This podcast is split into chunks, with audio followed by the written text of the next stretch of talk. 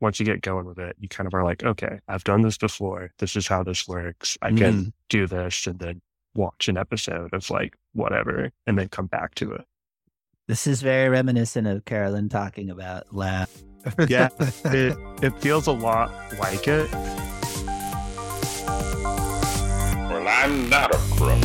Welcome to Presidential Deathmatch, the only presidential debates that matter. This week's headlines. It always stalls at 150, you idiot. All the best theories on coleslaw, and this is a good day. It's the return of Ross Perot today as Dennis welcomes special guest and barbecue savant Cameron McKay. Maybe or maybe not to be outdone, Dennis brings Jacob Jake Sechler Coxey Sr. to the table for the battle of the greatest Pitmaster.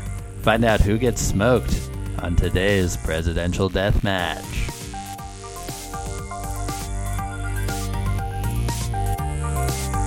All right. So, Cameron McKay, welcome. Hey, thanks. Thank you for joining. Um, yeah, I want to talk to you a bit about barbecue because one time I tagged along with Carolyn to a grad school thing because you know Carolyn through grad school, and Mhm. You made barbecue, and it was really great. Yeah, thanks. Um, and yeah, and Carolyn and I attended Barbecue Fest recently, um, a Texas monthly event. And so we were very much in the barbecue world, and that's what kind of inspired us to um the my usual co-host Aaron was like, You should do an episode because he just went. And I was like, Okay, yeah, let me think about it. And then I figured I'd talk to someone who has actually gotten into it and everything. And of course, because this is presidential death match, uh, I will loop it back in at some point to some American history stuff. Um, and you mentioned that you uh, are a fan of Ross Perot, so maybe that'll come up at some point too. Yeah. I think he's a an interesting dude. Yeah, he is. He's come up a bit. Actually, okay, yeah. So you know, I work at Texas Monthly. I looked up the cover from the month that I was born, and it's this big cartoon Yeah. picture of Ross Perot. Yeah, because that was the 92 election or something, Yeah. right? Yeah. Exactly. And he really suited well to a cartoon face, you know? Yeah, definitely. Yeah. Cartoon voice too. Like, Yeah. uh, Yeah. and kind of a cartoon pace, like you can imagine music in the background always. definitely like an old timey like Looney Tunes character sort Yeah, of vibe yeah, yeah. coming from him. For sure. Yeah. Any any other reason that uh he speaks to you? He's a Texan. I well, it was asking about barbecue, and then uh, you asked about politicians, and I just thought Ross Perot seems like the sort of like Texas guy because like Yeah. I feel like during that time period, Texas was like way more libertarian Mhm. than it is Yeah. now, where it's like more traditional conservative. And he was just kind of like tech billionaire, made his own company, just was like, he was like an outsider in politics too. Like, I feel like he was this weird combination of like Trump and Bloomberg. Yeah. yeah. Yeah. For sure. Yeah. In in a way, the most spirit of Texas. Yeah. Yeah. I feel you on that.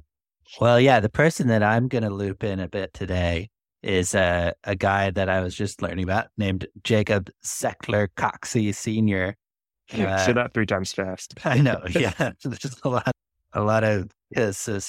He um he was born in 1854 and lived to be 97 years old, so died in 1951.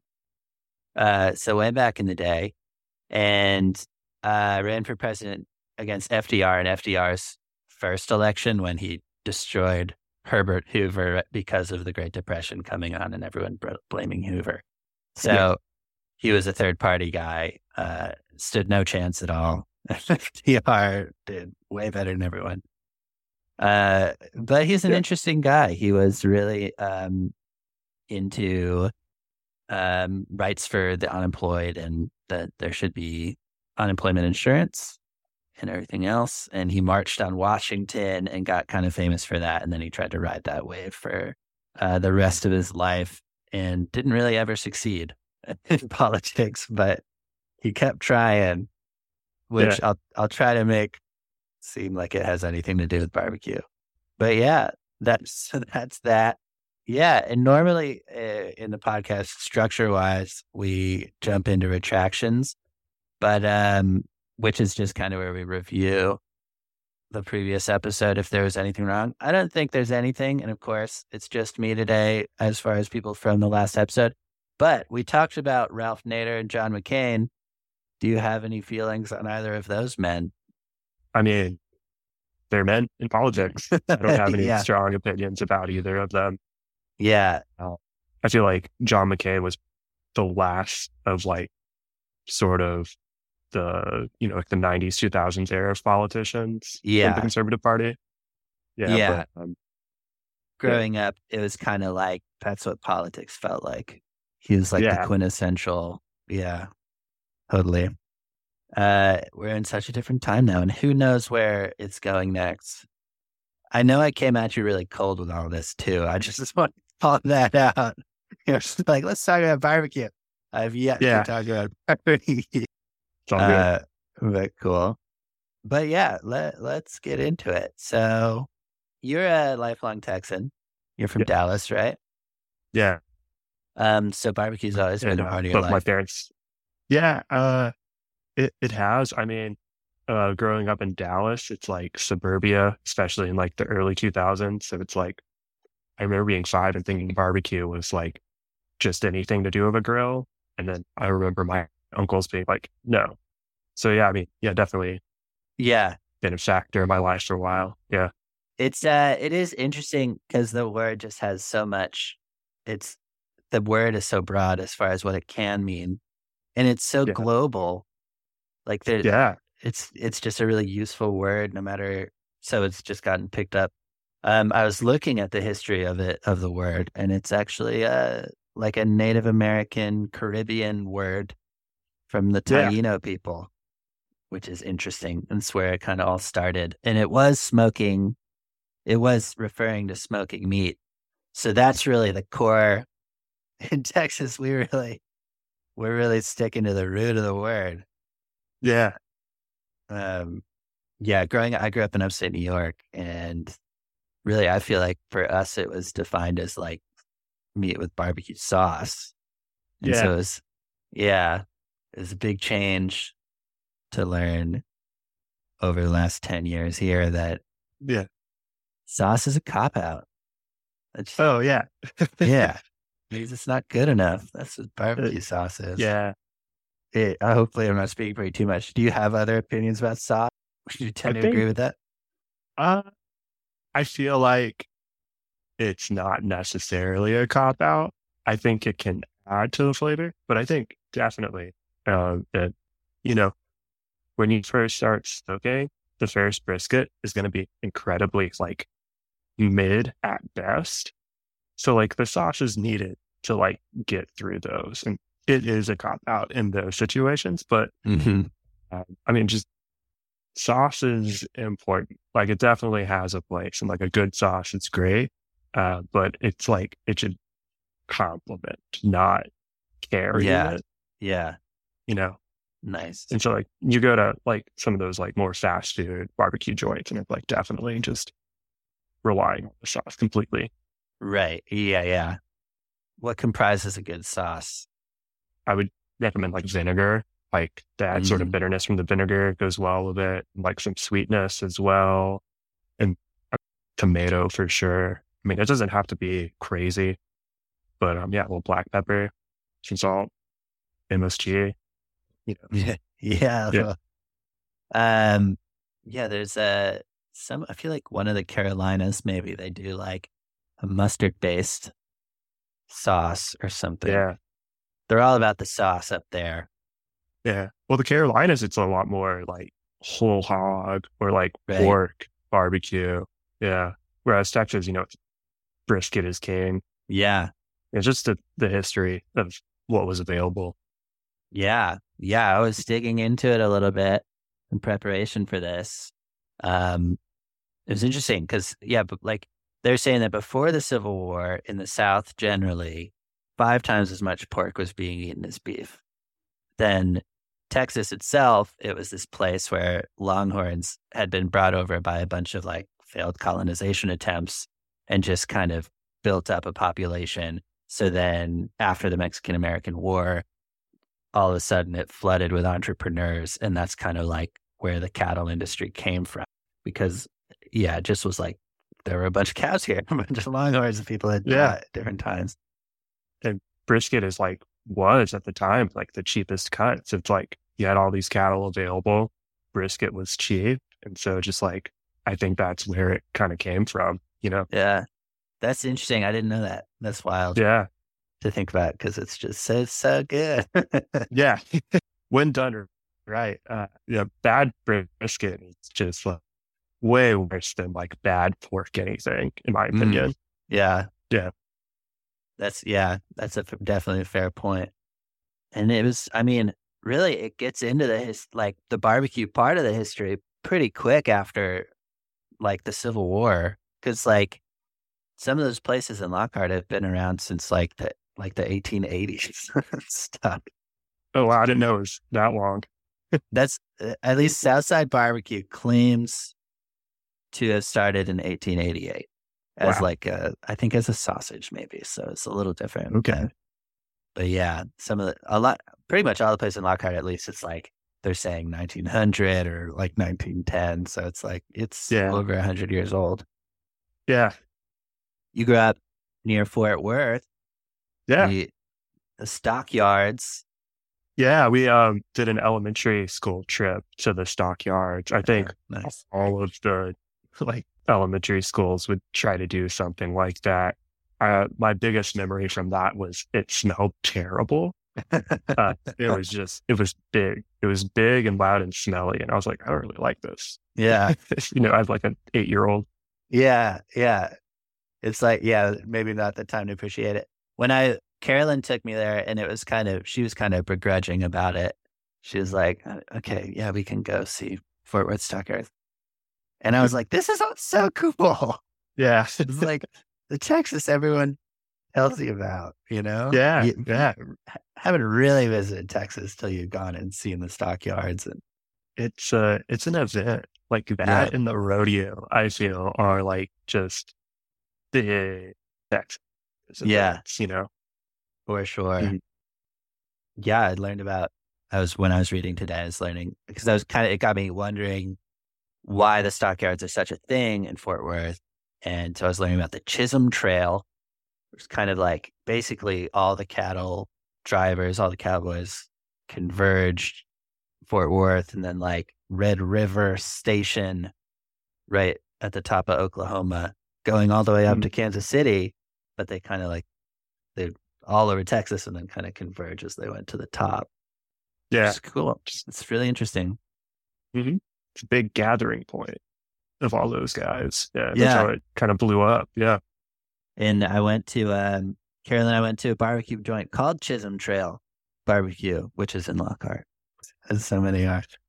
It's they kind of they're Yeah. more about um they put mayonnaise. They they have like sandwiches with like barbecue barbecue sandwich, but there's mayo on it, which is Yeah. crazy, but it was delicious, of course. Yeah. Well, I Um, mean, I guess ahead. slaw is a thing, and slaw is like you know mayonnaise, and that's served with barbecue sometimes. So I guess it's not too crazy, but I don't know if I would put it on a sandwich. Right. Yeah. I like a coleslaw. Carolyn doesn't go for it generally. It grew on me. Like I think as a kid, there was just something too, too tangy about it, but like as I grew up, I was like, oh, it's, it's good, and it kind of like you know, it's like a cooler sort of compliment to like Mhm. the barbecue. I wonder if coleslaw's gotten a bit better too. Like it's a little bit less of like that an could be it inside- too. Yeah. Yeah. yeah. Yeah. It's not just sad Yeah. AOE cabbage. Yeah. Like yeah. That could totally be it. Yeah. Uh speaking of sides, what are your top sides? If you were to uh, have your own joint, what would what would your signature side be? Oh man. I, if I had my own joint, I would assume Sarah, my uh, fiance would also be working there. and she makes this really good mac and cheese. So I think that would definitely be there. There you go. Is it, it just a really good like mix of cheeses? Yeah, I mean, she like uh she goes all out whenever she like makes anything, like big into desserts, big into like cooking. Um and so she just she makes like a really good roux base and like just uses a really good quality cheese, like does like this breading on top of it. That's really good. She just she just goes all out and it's amazing. Yeah. Awesome. That sounds awesome. Have you been to Interstellar Barbecue? No, I want to. I've been to Leroy and Lewis, which I think was on the list. Yeah. That was really good. Yeah, Yeah. Carolyn and I haven't like we got to try both of those ones at Barbecue Fest, but Mhm. uh, haven't been to either, and kind of getting to try them just made us want to go more to, to both. Yeah. Um, but Interstellar had this one side that was like uh, scalloped potatoes that they just like Mm. tossed. They finished them in the smoker with the brisket. They were so Ooh. good. Oh, that sounds amazing. Yeah. Yeah, really solid. Yeah, he was very actually. Both of those guys are like super like culinary. They're like trained chefs who I can got see that. barbecue. Um, Yeah. Because they're doing interesting stuff. Like they did like a smoked pancetta at Leroy when I was there. And I was like, this is crazy. yeah, It was really good. But it was like, wow, I wouldn't have thought to smoke pancetta, you know? right. Then you're like, but of course it's gonna be good. But it's, of course it's really good. Yeah. Yeah. That's awesome. Any other top joints? Uh, I was lucky enough to work at a place that had Franklin's catered about like once a year. Uh, yeah, we would, it would be, there'd like be big wigs coming through Austin. And so they would do like a Franklin's order. And, uh, if you can get someone else to cater Franklin's, I think it's very much worth it. Yeah, we did the uh, pandemic hack. That right, I I probably got out of control at some point, but early pandemic, you could like Yeah. order it and then schedule a pickup. And we were like, "This is our Yeah. chance." which is it. But uh, just I think Micklethwait is good too, and it's definitely not the lines as Franklin's, and that's over also kind of like East 12ish. I used to go there. Some I used to work pretty close to there, and we would go. I would go get the Frito pie there for lunch on a, if That's it was a special day. Mhm. Love that place. That place is awesome. Yeah, that place is great. Great choices. So what? uh Yeah. So what is, if one wants to try smoking brisket for the first time, what are you going to recommend to them? To be okay with failure, because if it's the first time, it's probably gonna be okay. You- so it's like you wake up at four to smoke this like hunk of meat for like 12, 16 hours. And so it's just like a long time, a lot Yeah. of work. And Yeah. then you get something that is okay. And it's like you got to be okay with it being bad for the first time. And then also just like getting used to like your smoker and like how often you actually need to check the fire. And so on all barbecue shows, there's this point where they like freak out because it stalls at like 150 and it's just complete nonsense. Like it always will stall at 150. Like that's normal. But it's gets a transition point for the fat. Like it's just changing. So it's like Uh. you're, you're good, you know? Just take a deep breath. You know, it's a long, it's a marathon. It's not a sprint, you know? Because like all the energy is going into the phase change of the fat, so the temperature Yeah. stops changing. Yeah, yeah. So it's like all the energy is, it's like when you melt ice, like it's always 30 degrees until it's done melting and then it heats up. Yeah. So that's just for the drama of the shows. Yeah. They, they always over dramatize it because they're like, oh, we're stalling at 150. And it's like, well, yeah, you always start at 150. Like that's just how it is, you know? Um, what are these shows?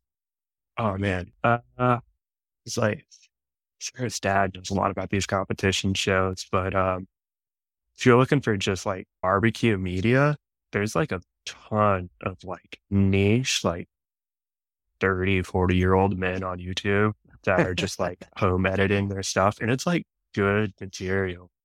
Like I think T. Roy Cook is fantastic. And there's just like a bunch of like, it's like a niche little thing with like Mhm, maybe yeah. a thousand views per video. And it's just like these old men giving out like good knowledge. It's crazy. Yeah. I can't I have to imagine like like I don't know who's on the competition shows, but like the people that I'm exposed to through like the barbecue stuff we do at TM, like and and everything, I can't imagine they're making mistakes. Like they're in day in and day out smoking brisket, you Yeah. know? No, no, no, no, no. I think it's like all like in the editing, you know? Yeah, yeah. And if it's like a, I think there's like some amateurs on those types of shows. And then I think, you know, they're, they're not doing it day in, day out. They do it like once a month, maybe. So, yeah, right. Yeah. Yeah. Um, is mesquite the when you've smoked, is mesquite the th- the way to go? I think for a, a brisket, I feel like mesquite or hickory is good. I feel like definitely experiment with it. Like for a brisket, I would stick with mesquite or hickory. But if I'm doing something like pork based, I mean, cherry wood, apple wood, mixing it up Mm. with that is pretty fun. You know, like I did like a pulled pork with like apple wood and then like an whole vinegar sort of like um uh, spray because like every like hour or so you need to moisten up the meat to keep it from drying out and so uh, it was a very appley like pulled pork you know like super appley That sounds awesome. Was Yeah. that is that the case for generally smoking meat? You're you're yeah, yeah in every hour? generally you want to like keep it pretty moist so like whenever i'm smoking a brisket it's like a vinegar water solution that i spray on it keep it from drying out completely yeah Dang, that does sound like a lot of work. That it's sounds like, it's like every hour you just add a little bit more wood and you spray it and then you just go back to what you're doing. It's like Uh-huh. it's I think the big thing is learning when where to cut corners for that and like how your system works or how your smoker works. So you know, I feel like definitely starting out, you're just like thinking about it the whole time. But then once you get going with it, you kind of are like, okay, I've done this before. This is how this works. I can Mhm. do this and then watch an episode of like whatever and then come back to it. This is very reminiscent of Carolyn talking about lab. Yeah. It it feels a lot like it. Yeah, yeah, yeah, yeah. Yeah, definitely close to grad school lab, like yeah, babysitting a system, being okay with it not working. yeah. Yeah, just uh, been just being consistent, coming back every day. yeah, yeah.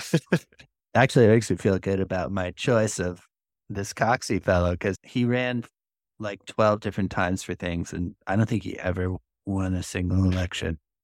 He was in seven different political parties. well, he was always like in a third party, right? Ross Perot. Uh, well, Ross Perot made his own party. Yeah. He lost every time too.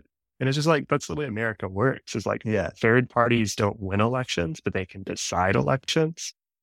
Right. So like, I don't like, you know, if Ross Perot didn't run, would Bill Clinton have won? Maybe, but he definitely stole like majority of the moderates from America, like 20% or so of the popular vote. Like he didn't win, but he did something. And that's yeah. crazy. Yeah. That that's the Ralph Nader tie in from last week for sure Yeah. with the Gore Bush insanity. Yeah. Um, yeah, Coxey can't can't really say the same for Jake Coxey. Poor, poor Jay. Tried so Um, hard. Yeah, but he just kept at it. What's uh? We haven't talked about the rub. What's the rub? Uh, it depends. If you want to do classic Texas style, black pepper and salt, like, Mm-hmm. that's it. Maybe like a mustard base, but that's also just like more Carolina y to use like a mustard base. Mm. But yeah, salt and pepper, and that's it. Super simple. If you want to um, get fancy with it, I know HEB sells a brisket rub that's pretty good. It has a lot more like paprika and like uh, different salts and different like spices with it. But yeah, just for Texas brisket, salt and pepper. That's it. That's wild. Yeah. Like, yeah, you feel like you could imagine, like, especially when, because I feel like Franklin kind of brought in like a new, this era that we're in of like barbecue really being like, you know, of it be at least at TM of it being something that we can be talking about so much, and there's so much attention to the Yeah. the Yeah. content and everything. Um, and uh, I feel like interviews and stuff with him, it's like, oh, what's your secret? And like, what's in the rub? He's like, salt and pepper. Yeah. No, that's it. It's like Yeah. it's salt and pepper and it's consistency, right? yeah, It's just like, yeah, just putting in the time, making it good every time. yeah, yeah. Um, any other feelings on barbecue? Any other tips? I mean, if it's if you're okay with it, I mean, you put in the time, go through one or two mid briskets. I think it's a great hobby. I think you know, learning how to like make your own food, do cooking is great, and I think it's a great way to meet people because you're always going to be making way too much brisket. so like yeah, I I've met uh, my neighbors like a couple times. Like people have moved in and out, and I just like I make way too much brisket, and I'm like, it's gonna go bad. Like, hey, like you're my neighbor. Would you want some of this? It, I don't know. I think it's a great way to meet people through that. I think it's a good, it's a good skill to have. Good. that's really nice. I don't know my neighbors. This is my chance. Yeah, do it. Yeah, Uh, brisket and cookies. Like, it's all you need. Uh, anything uh, you want to add about Ross Perot? I think he was just a really interesting dude. I think his uh, philanthropy was like the real deal. Like anyone who kind of gets that rich or that high enough politically to run for president, I kind of assume is like a little bit like, okay, what's your deal? But Yeah. like he, you know, he did a lot of really cool stuff with like Vietnam POWs. He did a lot of stuff helping find people MIA. And if you ever get the chance, you should check out his Natural Science Museum in Dallas. It's uh it's a really well done museum and definitely worth checking out. And beautiful architecture on the outside. Yeah, we uh we really had never done Dallas, and Carolyn and I went recently and, and stayed in Bishop Arts area, which Yeah. was really fun. Um, and when we went downtown, it's like you really notice that museum because it's so interesting looking. Yeah, and there's that, that uh, park that's like over like the overpass Yeah, converted is right there too. It's just that's a museum district in Dallas is like amazing. it just is. very- it's really nice. Very cool place. Yeah. Some say the aquarium's better than the Atlanta Aquarium. And I'm one of those people. Well, it's on record. Yeah. you can you can quote that. All right. Well, next time we go, Yeah. we'll do those things. We we were very close to going to the Perot Museum, and then we switched gears and went to the um, other museum, the JFK. We went to the oh yeah, we went to the JFK assassination because I do this podcast, so we had to do that. Yeah, you had to go to the Knoll. yeah, yeah, exactly. Yeah. Um, and the but we also went to the just the art museum. Yeah, like the DMA or like the Nasher. I think it, I think DMA. Museum Art.